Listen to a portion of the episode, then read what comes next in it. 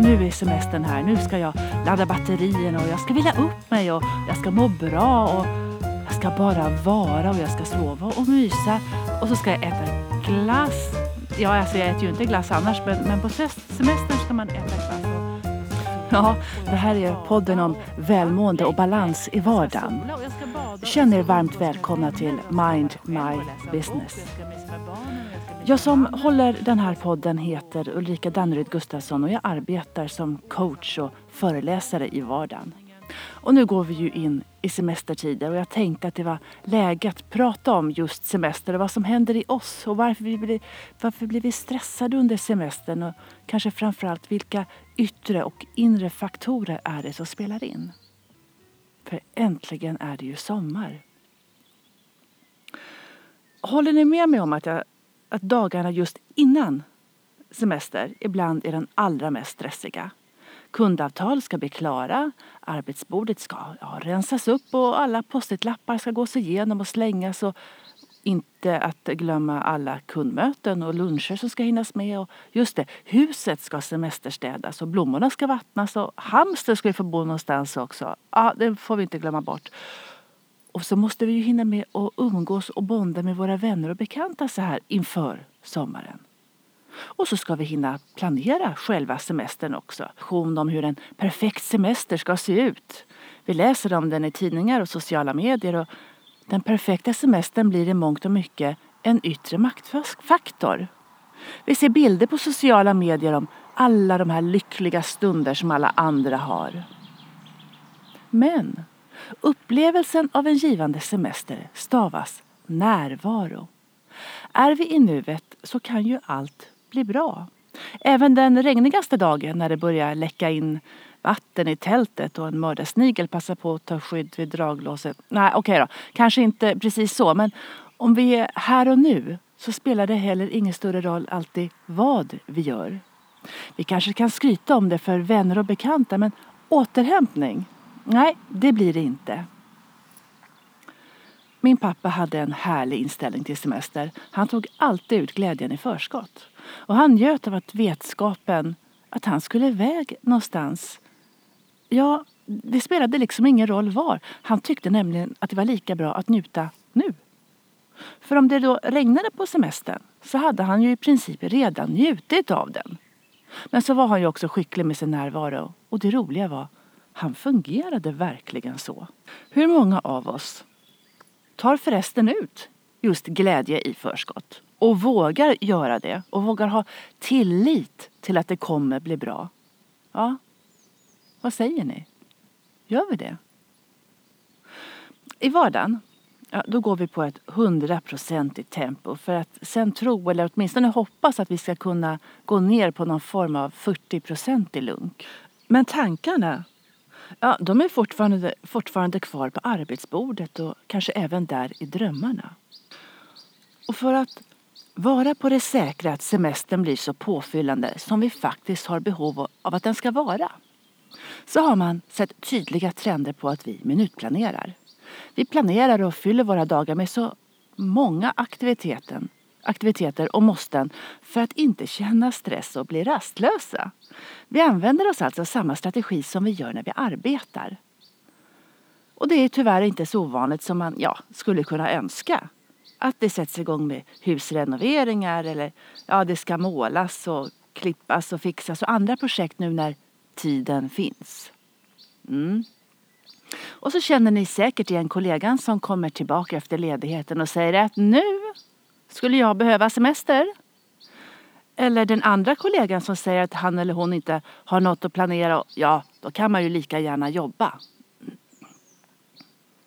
Vad de tackar nej till, såklart, är ju återhämtning.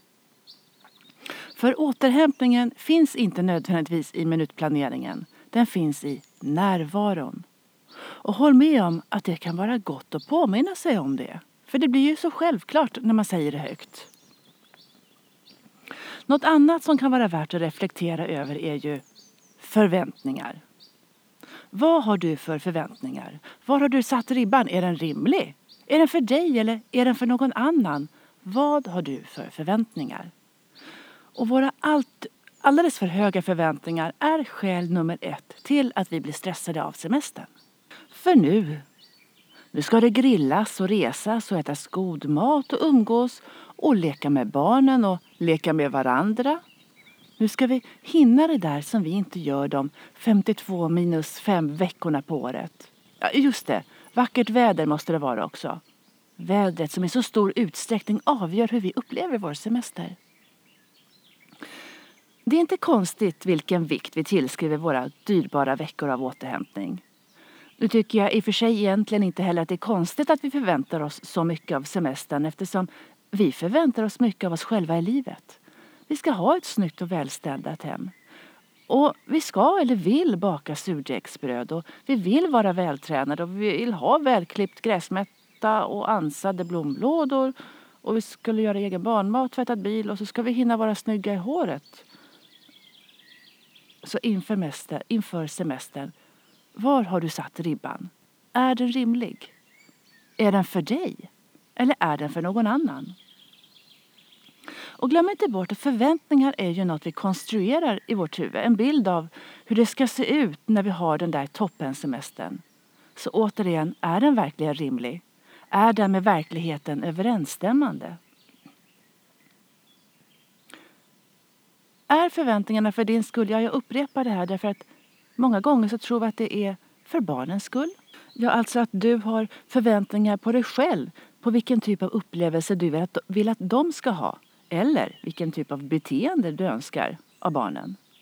Men alltså, ärligt talat, vår närvaro gör barnen glada. Närvaro gör oss själva glada. Det är nyckeln. Och när den här stressen kommer närmare, det vill säga åh, jag måste njuta av semestern, då brukar vi dessutom bli sämre på att kunna kommunicera vad det egentligen är vi behöver. Så att ta tid innan ledighet och fundera på vad det är du behöver av semestern är såklart riktigt smart för att sen kunna slappna av och känna närvaro när tiden väl är inne. Det första är alltså att identifiera vad är det du behöver, vad är det du längtar efter. Nästa steg blir att dela med dig av det till dem runt omkring dig. För om du inte kommunicerar vad som är viktigt för dig så går det åt en massa energi att känna in läget av andra.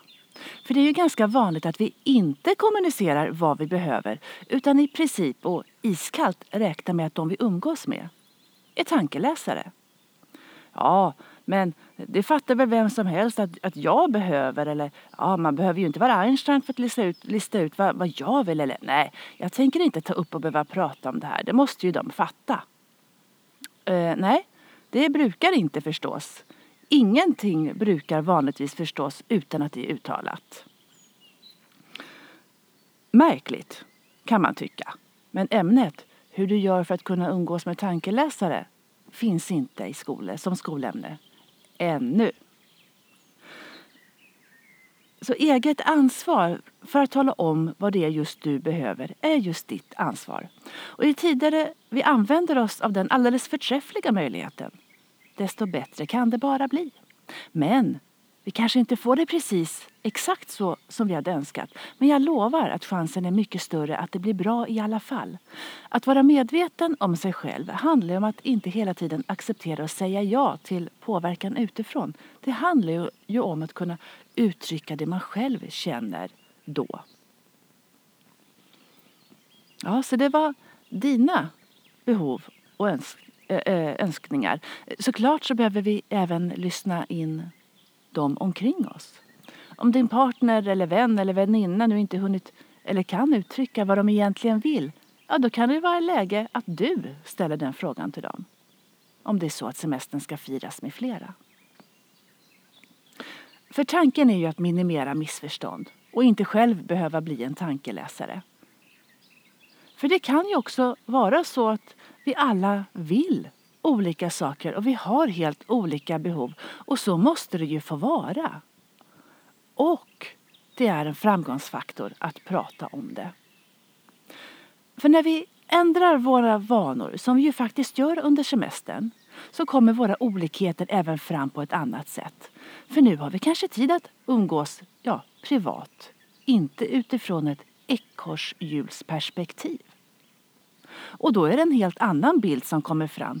För när vi har ekorrhjulsperspektivsglasögonen på oss då är det förmodligen effektivitet framför reflektion som är viktig. Och då är det lättare att hantera och kanske göra en quick fix av problem än att verkligen reflektera över dem och prata om dem. Och när vi tar på oss semesterglasögonen, ja, då kanske även behovet av reflektion ligger och hamnar längre fram i ledet. Och känslor som vi kan ha satt på vänt klampar fram med stora steg och vill göra sig hörda. Ja, här kan det ju såklart bli läge att kompromissa. Men det kommer i alla fall att underlätta om korten ligger på bordet så att ni tittar på samma kort. Ju tidigare, ja, desto bättre. För semester handlar ju mångt och mycket om att vara här och nu. Det är då vi verkligen njuter. Och då är det ju inte svårt att räkna ut att desto, ju mer uppkopplade vi är, ju mindre här och nu är vi. Och det här vet vi med förnuftet. Och det är känslan som styr. Men det här det är så bra därför att förmåga till närvaro kan vi faktiskt hjälpa oss själva till. Visst är det bra? Och kroppen behöver ungefär tio dagar för att verkligen, verkligen varva ner. Därmed inte sagt att en kortare semester gör gott och kan göra underverk för oss. Men att hitta den så kallade semesterlunket så krävs det några extra dagar. Och är man medveten om att det gör det så kanske det också finns möjlighet att planera in några komma in i lunket-dagar. Och en promenad på ja, 40 minuter det är bra för hjärnans programvara och gör att endorfiner släpps lösa och skapar välbehag i kroppen. Och det är inte bara genom motion som endorfiner utsöndras, det är även bland annat genom skratt. Men då tänker jag att det kanske är lättare att ta en joggingrunda än att helt spontant brista ut i skratt i ett gathörn. Men som jag säger, vi är alla olika. Och så har vi oxytocin som man skulle kunna kalla för vårt lugn och ro-system. Och oxytocin utsöndras vid beröring. Och beröring är livsviktigt. Och de flesta kanske inte nämnvärt tänker på det förrän vi skulle vara utan det.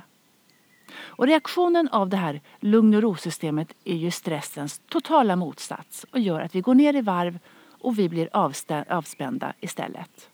Ja, så där har vi något att fundera på under eh, semesterns första dagar. Kramas och eller att jogga eller promenera. Det är vägar för att hitta närvaro. Och värre saker kan man ju göra under sin semester. Så motion och närhet är alltså bra för att hitta närvaro. Men det finns ju eh, fler knep såklart. För att vara här och nu, det är ett resultat av vår andning. Och ni som har hört mig tala förut vet att jag gärna använder mig av begreppet andningssfär och att befinna sig i sin andningssfär. Och det är när andningen är djup och långsam och syresättande. Och varför jag kallar det för andningssfär är för att jag föreställer mig det som om andningen, ju djupare den blir och ju mer, mer, äh, ju mer medveten, försöker jag säga, jag blir om den, så expanderar den utanför mig. Tycker ni att det låter flummigt? Ja, men då får ni gärna kalla det för magandning eller bara djupandning. Och vill ni ha en referens till hur den, till den här andningen känns så är det det första andetaget ni tar på morgonen innan ni riktigt har vaknat till. För den är djup och den är långsam och den har förmåga att hålla en oerhört behaglig känsla i kroppen. Tills tankarna smäller till. Så håll koll på dem och lägg dem åt sidan ett tag. En långsam, djup andning minskar produktionen av stresshormoner. Sägs även sänka blodtrycket. Och när vi andas djupt så får blodet, vilket ju låter logiskt, mer syre och även blodcirkulation, matsmältning boostas. Ja, och så tankarna. En djup andning håller bångstyriga tankar på en armlängds avstånd. Och tror ni mig inte? Prova. Och håller ni inte med? Prova en gång till. Det handlar om vilja och att välja. Det är alltså ett riktigt bra knep att reflektera över sin andning under dagen. Stanna upp och känn om andningen är uppe i bröstkorgen eller nere i magen. För det är nere i magen vi vill ha den. Och då finns det givetvis en massa olika övningar med andning. Och där måste ni nog känna in vad som passar just er. Men ett trix är i alla fall att föreställa sig att man hyschar någon till tystnad. Gör först en snabbcheck över var du har din andning, bröstkorg eller magen. Och så sätter du fingret framför munnen och så kyssar du shh, så länge du bara kan. Så drar du in ett djupt härligt andetag genom näsan och så upprepar du det här. Tre gånger i lugnt tempo. Var är andningen nu? Ja, vad tror ni? Den kommer att hamna ner mot magen. Andra vill ha en annan, mer stillsam metod. Och vi är olika. Välj det som passar dig. Men det är ner med andningen i magen. Det är dit vi vill. Så jag tänker alltså att nyckeln till en givande och återhämtande semester är närvaro. Ja, och då blir ju sammanfattningen som följer. 1. Syna dina förväntningar. Är de rimliga? 2. Klargör och dela med dig av dina behov. 3. Lyssna in andras önskningar och behov. 4. Motionera, promenera eller annat. 5. Kramas. Låt oxytocinet flöda. Och slutligen 6. Andas. Och påminn dig så ofta som möjligt att få ner andningen i magen. Det är så gott. Ja, och med det så vill jag önska er alla en alldeles underbar, meningsfull och närvarande semester. Och det tänker jag också göra. Så nästa gång vi hörs så blir det i augusti. Och just det, tyckte ni om den här podden? Lajka, dela eller lyssna igen efter sommaren. Ha det så bra. Hej!